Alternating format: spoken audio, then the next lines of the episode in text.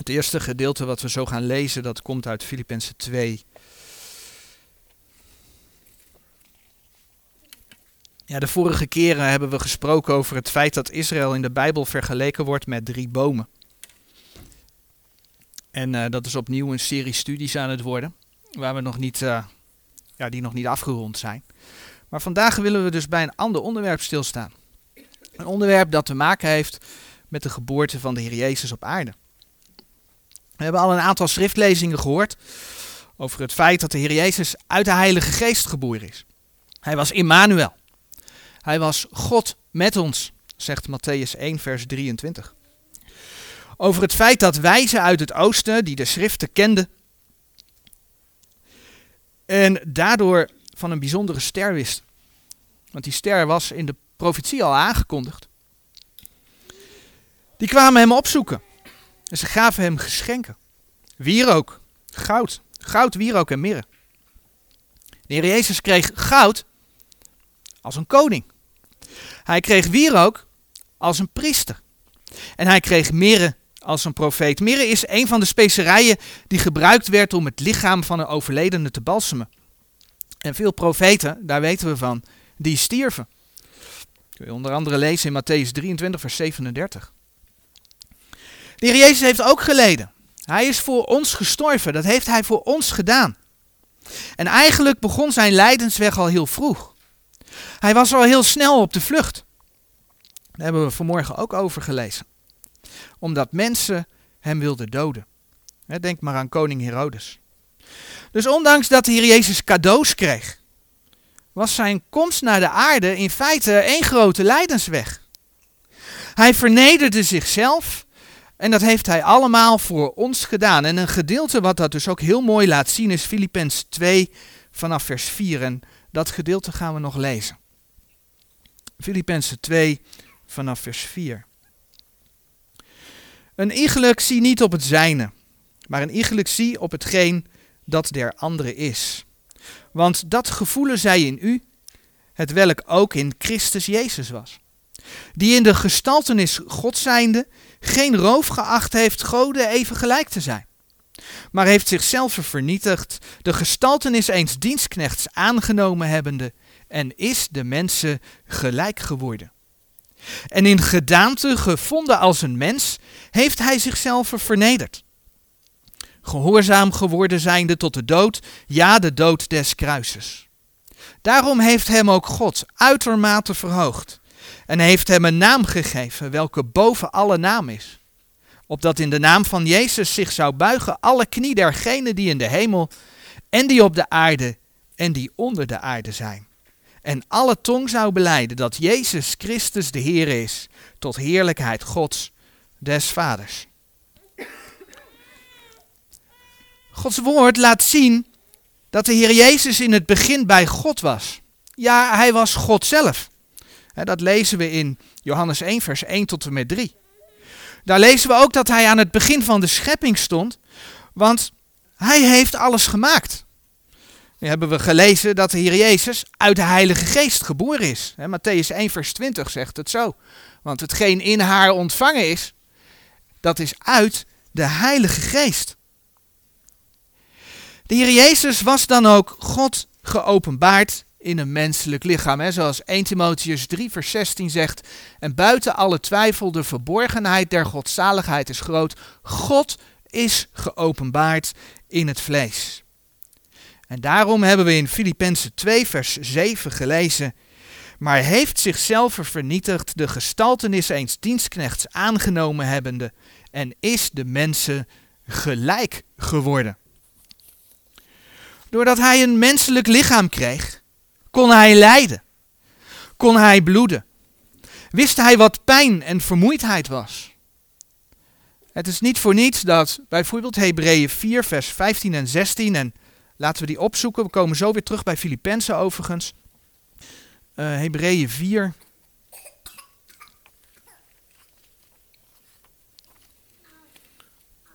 De Heer Jezus heeft dus geleden doordat hij mens is geworden. En dan lezen we niet voor niets in Hebreeën 4 vanaf vers 15.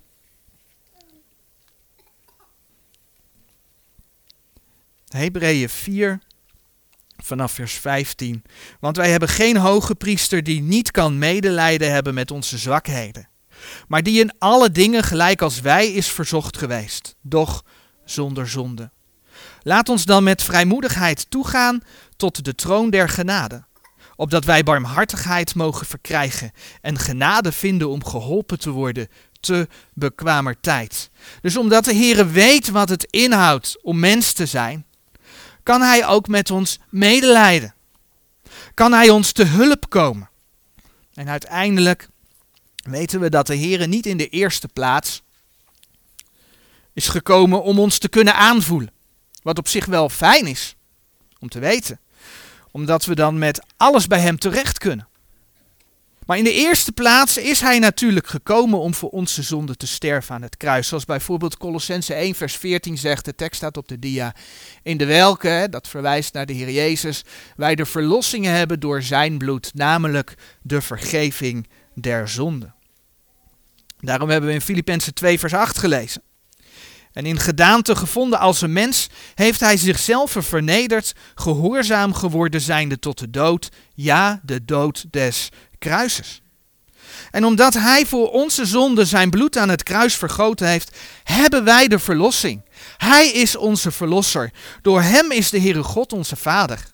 Door hem hebben wij in de toekomst toegang tot het nieuwe Jeruzalem. Johannes 14, vers 1 tot en met 3. Door hem zullen we wonen in een stad gelijk goud, met een straat van goud. Openbaring 21, kun je dat lezen. We zullen er een woning hebben.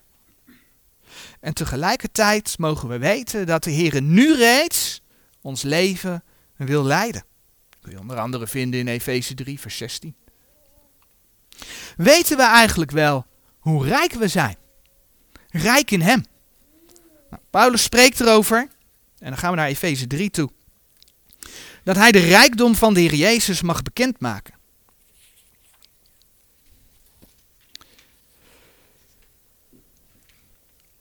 in Efeze 3, vers 8. Daar staat geschreven. Efeze 3, vers 8. Mij, de allerminste van al de heiligen, is deze genade gegeven om onder de heidenen door het evangelie te verkondigen de onnaspeurlijke rijkdom van Christus.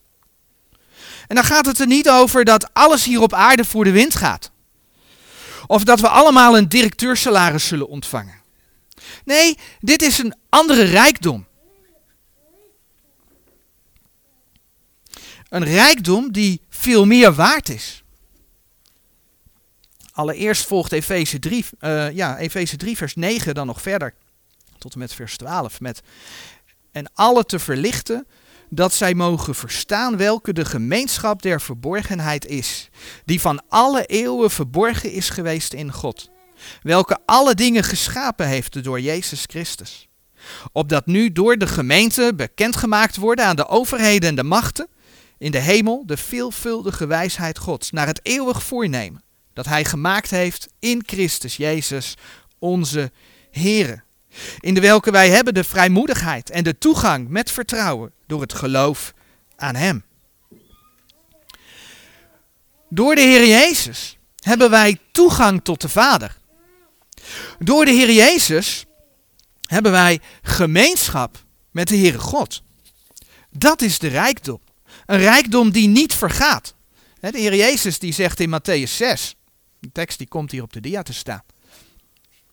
Vergadert u geen schatten op de aarde, waar ze de mot en roest verderft, en waar de dieven doorgraven en stelen, maar vergadert u schatten in de hemel, waar ze nog mot, nog roest verderft, en waar de dieven niet doorgraven, nog stelen.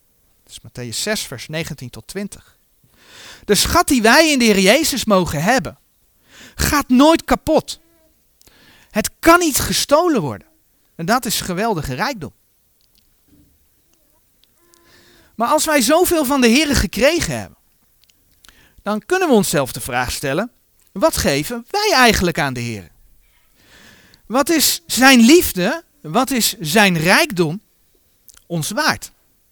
En dan komen we eigenlijk van het onderwerp dat de Heer ons heel veel gegeven heeft, wat we met kerst vieren, het geboortefeest van de Heer Jezus, komen we bij het onderwerp dat wij de Heeren ook iets mogen geven.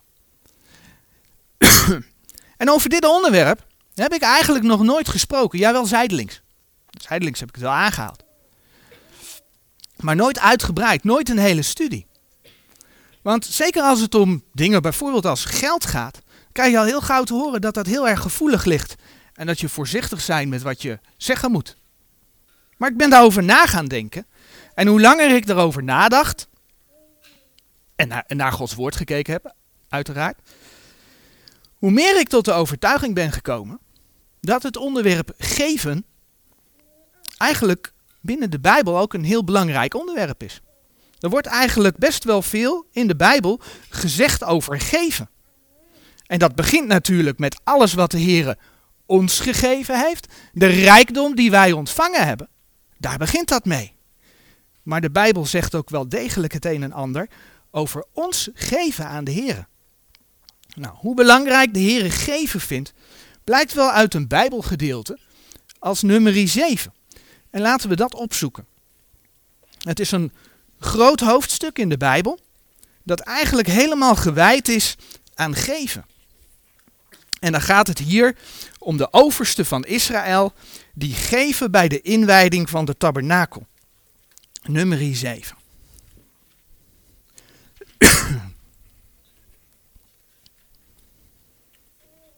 Nummer 7 vanaf vers 2. Lezen we eerst wat de overste geven. En dan lezen we dat de overste van Israël, de hoofden van het huis hunner vaderen, offerden. Deze waren de overste der stammen die over de getelde stonden. En zij brachten hun offeranden voor het aangezicht des Heren. Zes overdekte wagens en twaalf runderen. Eén wagen voor twee oversten en één os voor elk een. En brachten ze voor de tabernakel. En dan zegt de Heer in vers 5 tegen Mozes: Neem ze van hen, opdat zij zijn mogen om te bedienen de dienst van de tent der samenkomst. En gij zult dezelfde de levieten geven, een ieder naar zijn dienst. Deze gaven zijn dus om de dienst van de Heer te dienen. Maar daar blijft het niet bij. Ook voor de inwijding van het altaar offerden de oversten van het volk. En per stam, per overste, per stam werd er geofferd. En zo lezen we over het offer van de overste van de stam van Juda in nummer 7 vanaf vers 12. Nummer 7 vanaf vers 12. Die nu op de eerste dag zijn offerande offerde was Nahesson, de zoon van Aminadab, voor de stam van Juda. En zijn offerande was één zilveren schotel, welker gewicht was 130 sikkelen. Een zilveren sprengbekken van 70 sikkelen, naar de sikkel des heiligdoms. Zij waren beide vol meelbloem, met olie gemengd ten spijsoffer. Eén reukschaal van tien gouden sikkelen, vol reukwerk. Eén var, een jong rund, één ram, één lam dat eenjarig was, ten brandoffer. Eén geitenbok ten zondoffer. En ten dankoffer twee runderen, vijf rammen, vijf bokken, vijf eenjarige lammeren. Dat was de offerande van Nahesson, de zoon van Aminadab. En vervolgens offert elke overste van elke stam van Israël precies hetzelfde. En als de Heer dat in één vers genoemd had, dat alle stammen dezelfde offers brachten, dan was nummer 7 klaar geweest met 18 versen. Maar nee, elke stam, elke overste van elke stam wordt uitvoerig beschreven. Op dezelfde manier als de offers van de overste van de stam van Juda beschreven zijn. En dan komt dat hoofdstuk uit op 89 versen. Menselijkerwijs zou je zeggen, nou, hè, naar, naar nummer 6, nu weet ik het wel. Nee, de Heer noemt ze allemaal. Het grootste hoofdstuk in de Bijbel is Psalm 119 met 176 versen. Die psalm gaat over het woord van God, wat de Heer aan ons gegeven heeft. En ik zal eerlijk bekennen, ik heb niet alle hoofdstukken nagelopen, maar ik heb me laten vertellen dat het twee na grootste hoofdstuk in de Bijbel, dat is nummer 7 met de 89 versen. En die gaat dus over het geven van de mensen aan de Heere God. En wat zien we in dat hoofdstuk? Dat alles wat gegeven is van iedereen nauwkeurig geregistreerd staat. God houdt alles bij, alles is ook geteld. Blijkbaar vindt hij geven belangrijk. Een ander gedeelte wat over geven gaat, dat is Exodus 36, vers 2 tot en met 7, over de bouw van de tabernakel. Dat laat, dat laat dit ook zien. En dat laat daar zien hoe het volk Israël vrijwillig gaf. Vrijwillig voor het werk van de dienst des heiligdoms. En wat zie je dan in Exodus 36? Elke dag komen ze geven totdat er te veel was. Maar ja, dit is natuurlijk het Oude Testament. Hoe zit het dan in het Nieuwe Testament? Laten we naar Handelingen 20 bladeren. Hoe zit het dan in het Nieuwe Testament en dan eigenlijk het liefst in de brieven aan de gemeente? Kunnen we daar ook zien dat de Heere geven belangrijk vindt? Dan gaan we allereerst een stukje lezen uit Handelingen 20 en dan vanaf vers 32. Handelingen 20 vanaf vers 32.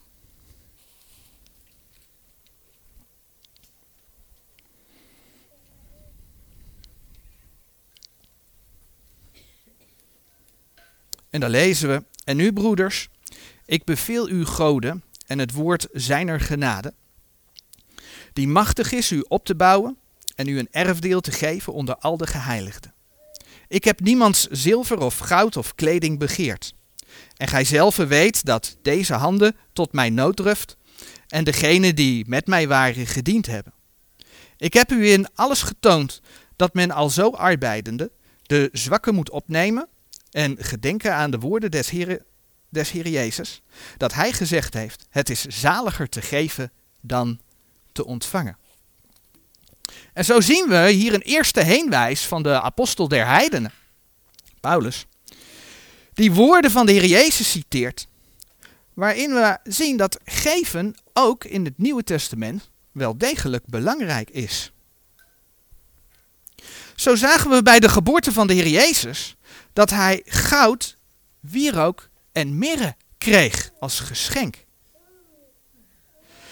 De Heere ontving geschenken van mensen. En dan lezen we in 2 Korinthe 8. 2 Korinthe 8. Daar lezen we dat de Heere zijn gave aan ons verbindt met onze gave aan hem. In 2 Korinthe 8 vers 7. Daar lezen we 2 Korinthe 8 vanaf vers 7.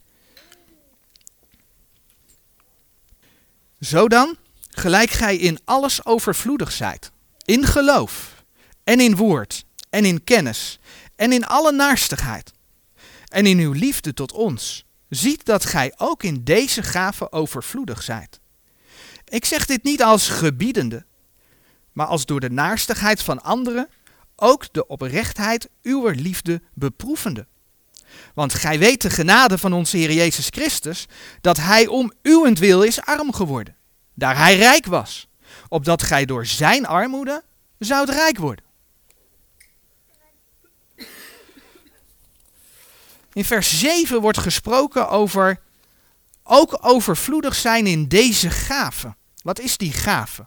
Nou, als je de eerste versen van 2 Korinthe 8 gaat lezen, dan zie je dat dat gaat over geven.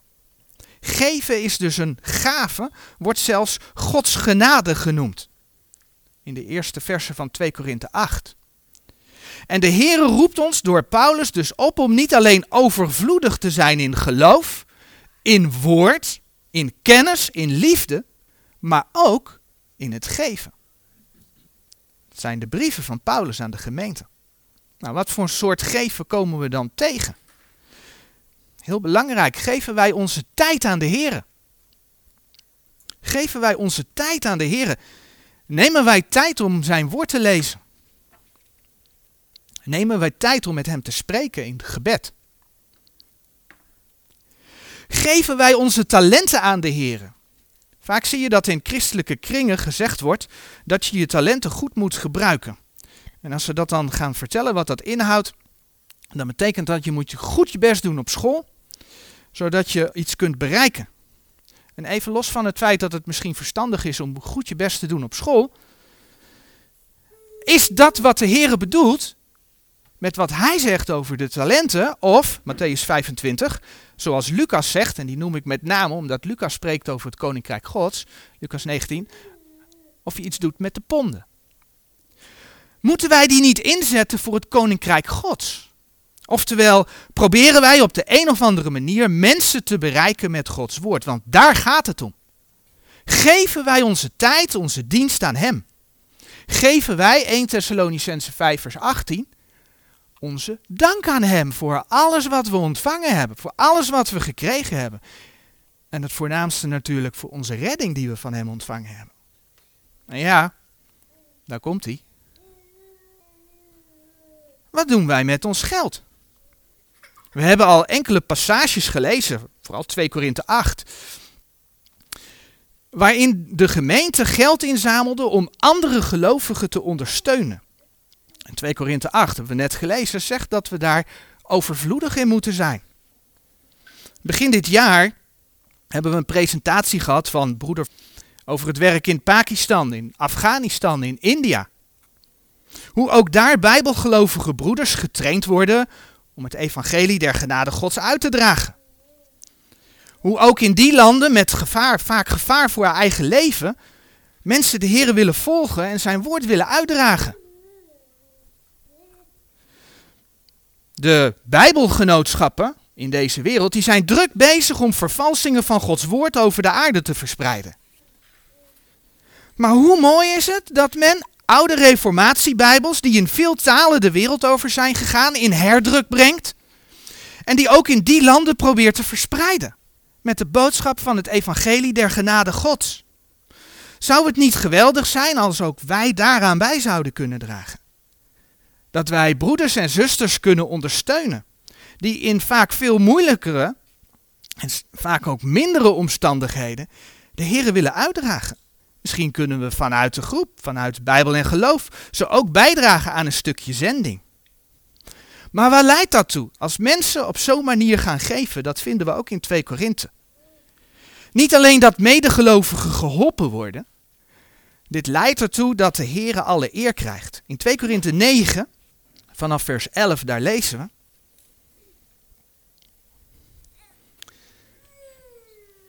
Twee Korinthe 9. vanaf vers 11. Dat gij in alles rijk wordt tot alle goeddadigheid, welke door ons werkt dankzegging tot God. Want de bediening van deze dienst vervult niet alleen het gebrek der heiligen, maar is ook overvloedig door vele dankzeggingen tot God. Terwijl zij door de beproeving deze bediening God verheerlijken over de onderwerping uw beleidenis onder het evangelie van Christus. Die ander gaat dus danken voor jouw geloof, voor het feit dat jij gehoorzaam bent aan het evangelie van Jezus Christus. En over de goeddadigheid der mededeling aan hen en aan allen. En ten tweede voor de hulp die ze krijgen. God krijgt dan de eer. En door hun gebed voor u, welke naar u verlangen, om de uitnemende genade Gods over u. Ik had het over het werk in India, Pakistan en Afghanistan. Ik heb als voorbeeld, het is uh, al wel een oudere van begin dit jaar, een nieuwsbrief, eigenlijk een jaarrapport is dit, meegenomen. Als je wil kun je die straks doorkijken.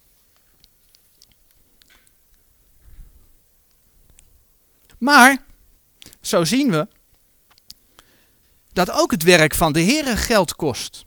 We zagen het bij de tabernakel in het Oude Testament. Maar vandaag de dag is dat net zo goed. Denk aan het houden van samenkomsten. Denk aan straatpredikingen. Het brengt allemaal praktische kosten met zich mee. En Paulus, die geeft aan, en dan zoeken we 1 Korinthe 9 op, dat mensen die arbeiden in het woord, in principe daar zelfs van mogen leven. En Paulus beroept zich daarbij op de wet. In 1 Korinthe 9 vanaf vers 7, daar lezen we.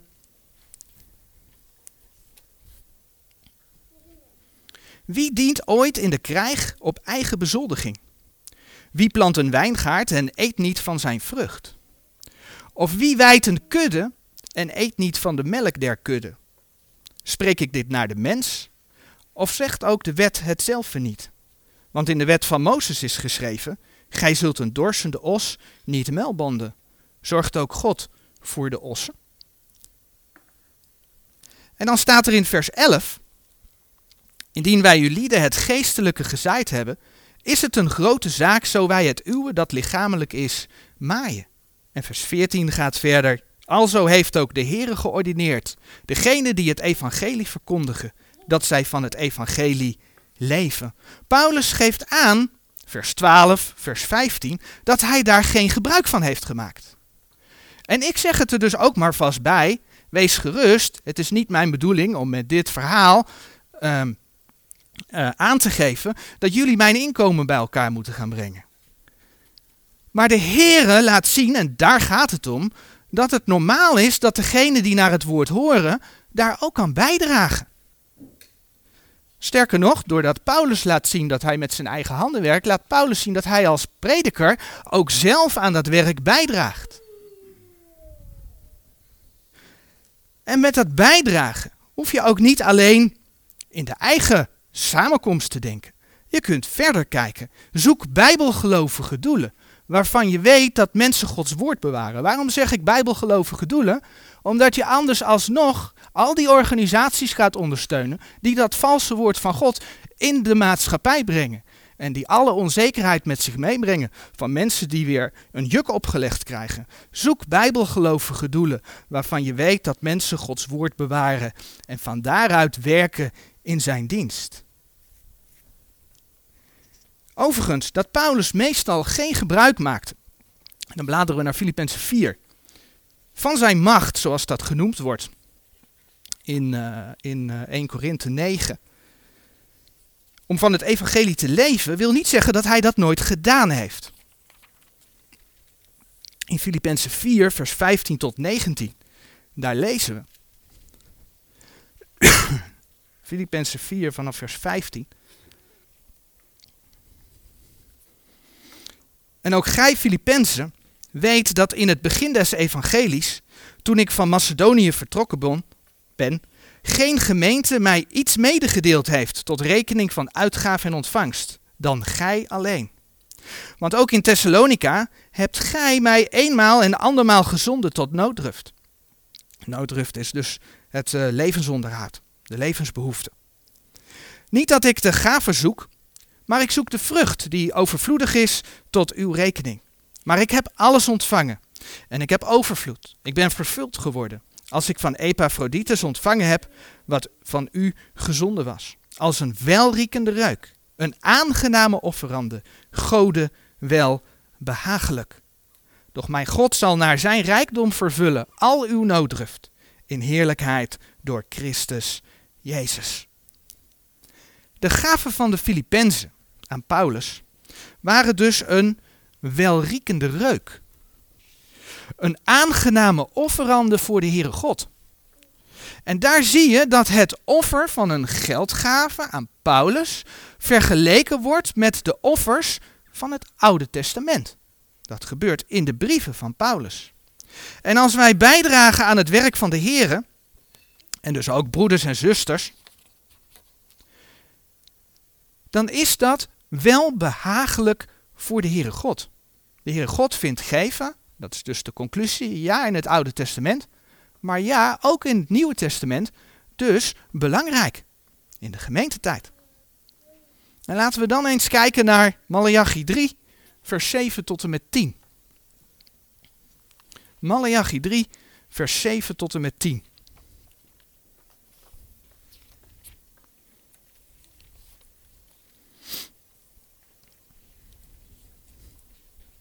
Malachi 3, vers 7 tot en met 10.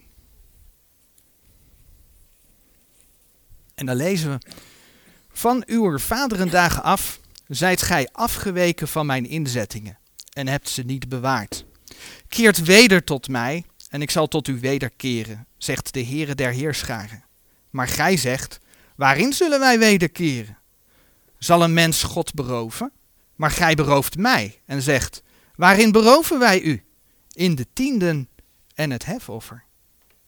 Met een vloek zijt gij vervloekt, omdat gij mij berooft, zelfs het ganse volk. En dan vers 10 nog. Brengt al de tienden in het schathuis, opdat er spijzen zij in mijn huis. En beproeft mij nu daarin, zegt de Heere der Heerscharen. Of ik dan u dan niet open doen zal de vensteren des hemels en u zegen afgieten, zodat er geen, geen schuren genoeg wezen zullen. Dit gedeelte, dat wordt natuurlijk tegen Israël gezegd. Israël had onder de wet te horen gekregen dat zij tiende moesten geven aan de Heer. Nou, wat zijn tiende? Heel simpel, een tiende deel van de inkomsten. Had jij 10 kilo graan aan inkomsten, dan ging 1 kilo graan ging naar het huis des Heren.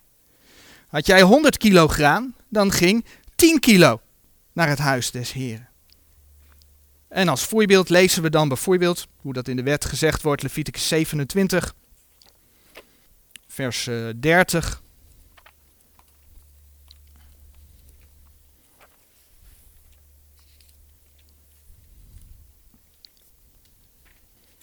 Leviticus 27, vers 30. Ook alle tiende des lands, van het zaad des lands, van de vrucht van het geboomte zijn des Heren. Zij zijn de Heren heilig.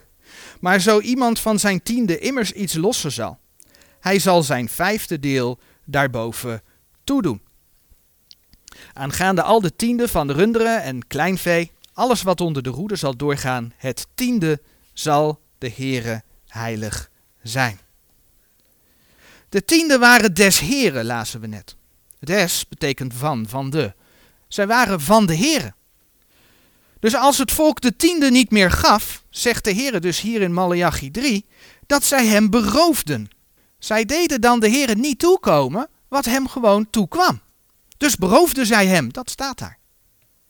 En voor ons beeld is het goed om te beseffen dat het volk Israël niet eens alleen de tiende gaf.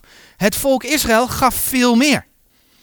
Er was een schatting, een belasting bij lossing. Kun je vinden in Leviticus 27, vers 1 tot en met 3. Alle eerstgeborenen van het vee werden naar het huis des Heren gebracht, want die werden geofferd aan de Heere God. Bijvoorbeeld uh, Deuteronomium 15, vers 19 tot en met 20. De eerstelingen van het land bracht men naar de Heere. Deuteronomium 26, vers 1 tot en met 4. Bij het oogsten moest men altijd iets laten liggen, want het was voor de armen, die konden dat dan oprapen. Leviticus 19, vers 9, Deuteronomium 24, vers 19. En zo waren er ook nog de vrijwillige offers. Die had je dan daarnaast ook nog, Leviticus 22, vers 18. Om zomaar enkele voorbeelden te noemen. Het volk Israël gaf veel meer. En je zou dus kunnen zeggen dat die tiende, dat het eigenlijk een soort van basis was. Daar overheen kwam nog veel meer wat het volk gaf. Goed, ik hoor het al zeggen, dat is de wet. Er is toch verschil tussen de wet en de gemeente? Ja, de gemeente, wij leven in een andere bedeling. Het houden van inzettingen der wet kunnen ons niet behouden. Het is niet zozeer voor ons doet en gij zult leven. Het gaat nu om het geloof in de Heer Jezus. Als het gaat om behoud. En wees eerlijk, we zien als we dus het Oude Testament lezen dat bij de tiende veel al gaat om, om, om, om, om dieren, om opbrengst van het land. Nou, wij zamelen geen, uh, geen eten in.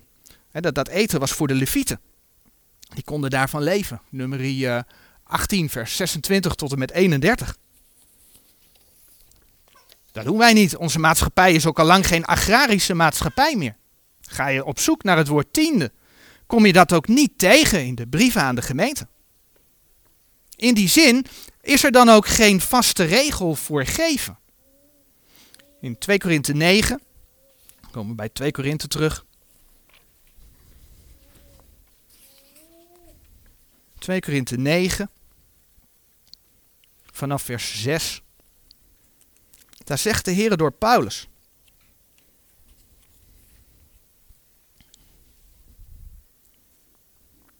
En dit zeg ik, die spaarzamelijk zaait, zal ook spaarzamelijk maaien. En die in zegeningen zaait, zal ook in zegeningen maaien. een iegelijk doe gelijk hij in zijn hart voorneemt, niet uit droefheid of uit nooddwang. Want God heeft een blijmoedige gever lief. Het gaat dus om vrijwilligheid. Het gaat om vrijwilligheid. Maar die vrijwilligheid kan dan wel meteen als reden gebruikt worden om te zeggen van nou ja, het is vrijwillig, dus ik hoef niet over na te denken wat God van het volk Israël vroeg. Ik hoef er dus niet over na te denken om misschien een tiende van mijn inkomen te geven. Maar waarom zou een wederom geboren christen onder genade niet evenveel kunnen geven, of misschien wel meer kunnen geven, dan een Jood onder de wet? Uiteindelijk zijn wij vrijgekocht door het bloed van het lam. Dragen wij door het offer van de Heer Jezus Gods rechtvaardigheid, terwijl de Joden onder de wet moesten werken voor hun behoud. Zouden wij eigenlijk niet een grotere dankbaarheid moeten hebben naar onze Verlosser. En bedenk zoals we gezien hebben dat de Joden veel meer gaven dan de tiende. Nee, de gave in de gemeentebedeling is vrijwillig. Dus er hoort geen dwang te zijn. Niet als jij je tiende niet geeft, dan zal de Heer jou straffen. Of iets dergelijks. En niet voor iedere collecte gaan wijzen op het feit dat je toch wel vooral je tiende moet geven. Nee, het is vrijwillig hebben we gelezen. Maar het feit dat de tiende niet genoemd wordt in de brieven aan de gemeente, mag ook geen reden zijn om het dan maar niet te geven. Er is zelfs een reden om aan te nemen dat de tiende eigenlijk gewoon in de Bijbel, volgens de Bijbel, voor de Here zijn. Of je ze nu geeft of niet. Waarom? Omdat de tiende namelijk niet alleen wettisch zijn. Want er wordt heel gauw gezegd, dat is de wet. Maar de tienden zijn niet alleen de wet. Ja, ze worden in de, in de wet voor het volk Israël vastgelegd. Maar we zien ook dat voor de wet door bijvoorbeeld Abraham en Jacob al tienden betaald werden. Genesis 14 gaan we opzoeken, dat gaat over Abraham.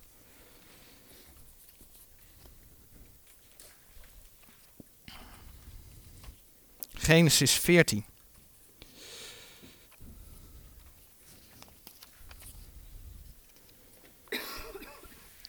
om maar zo te zeggen, ruim voordat het volk de tien geboden kreeg.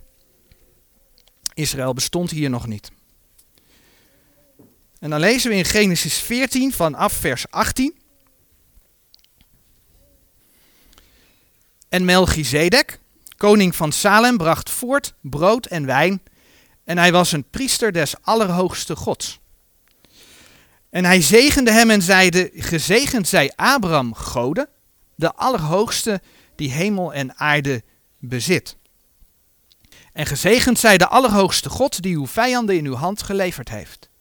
En hij gaf hem de tiende van alles. Abraham nog voor de wet betaalde de tiende van alles aan de priester van de Allerhoogste God. En dat was Melchizedek, koning van Salem. Salem staat voor Jeruzalem.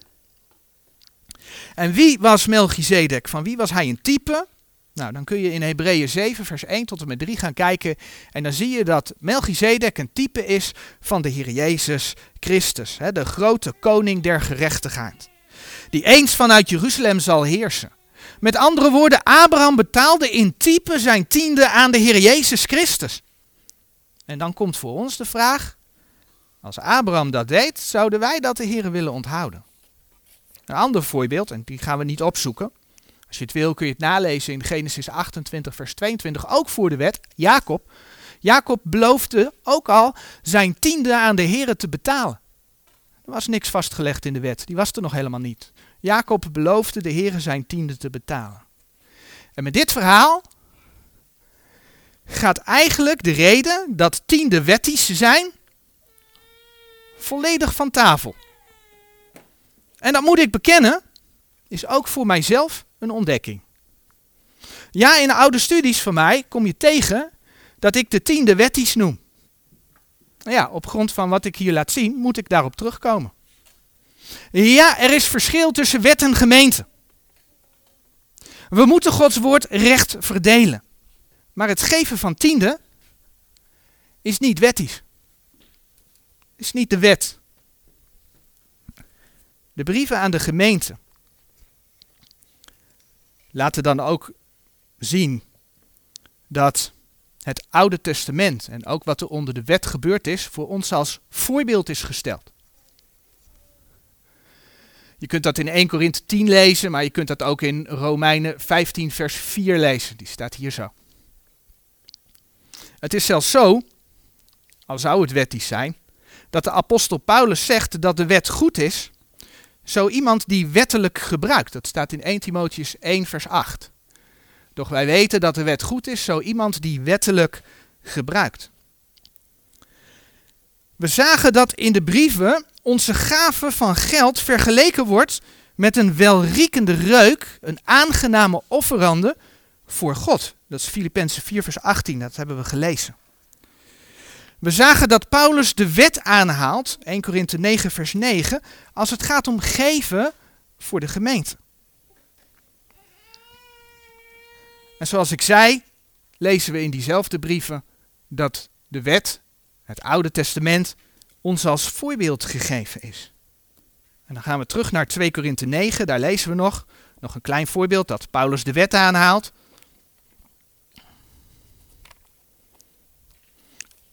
Als het gaat om geven.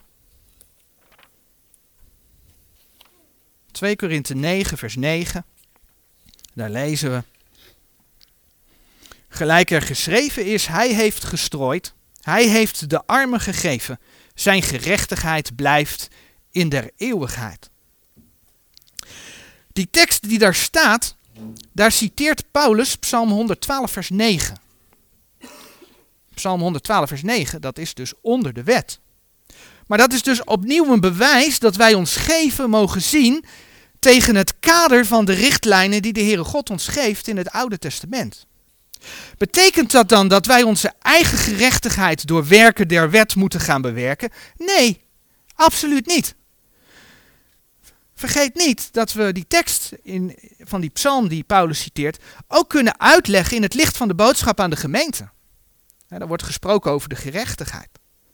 Namelijk dat de bruid, de gemeente van Christus, en je kunt dat vinden in Openbaring 19, vers 8, bekleed zal worden met rein en blinkend fijn lijnwaad, want dit fijn lijnwaad zijn de rechtvaardigmakingen der heiligen. Daar heb je hem. Nee, onze werken dragen niet bij aan ons behoud. Efeze 2, vers 8 en 10, duidelijk. Maar dragen wel bij aan loon en kroon. En ja, ze dragen dus zelfs bij aan onze kleding in de eeuwigheid.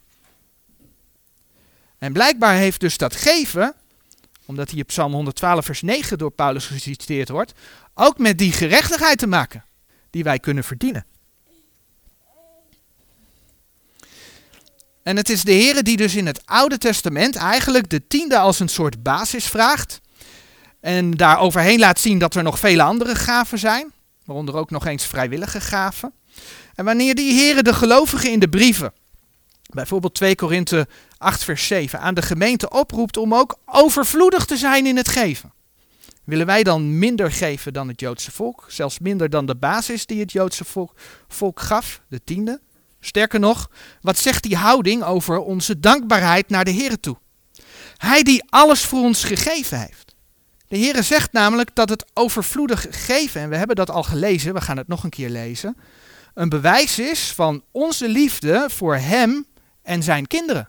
Dat staat gewoon geschreven in 2 Korinthe 8, vers 7 tot en met 9. Laten we het nog een keer lezen. Zo dan gelijk gij in alles overvloedig zijt, in geloof en in woord en in kennis en in alle naarstigheid en in uw liefde tot ons, ziet dat gij ook in deze gaven, dat gaat dus over het geven, overvloedig zijt. Ik zeg dit niet als gebiedende, nee het is geen gebod. Het is geen gebod. We hebben het gelezen hè, in 2 Korinthe 9, het is vrijwillig. Niet als gebiedende, maar als door de naarstigheid, de toewijding van anderen, ook de oprechtheid uw liefde beproevende. Daar staat het gewoon. Het zijn niet mijn woorden. Het staat geschreven. Het is een beproeving van de oprechtheid uw liefde. Want gij weet de genade van onze Heer Jezus Christus, dat Hij om uwentwille arm is geworden, daar Hij rijk was, opdat gij door Zijn armoede zoudt rijk worden. En hoe mooi is het dan om te lezen dat de Heere het geven ook zegent. In Malachi 3, vers 7 en 10, en ik zou zeggen, hou de hand even bij 2 Korinthe, want daar komen we terug.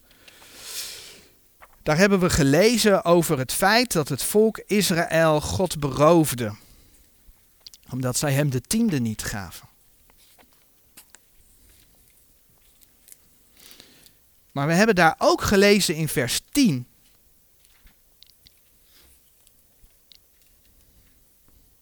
Brengt al de tiende in het schathuis, opdat er spijzen zij in mijn huis.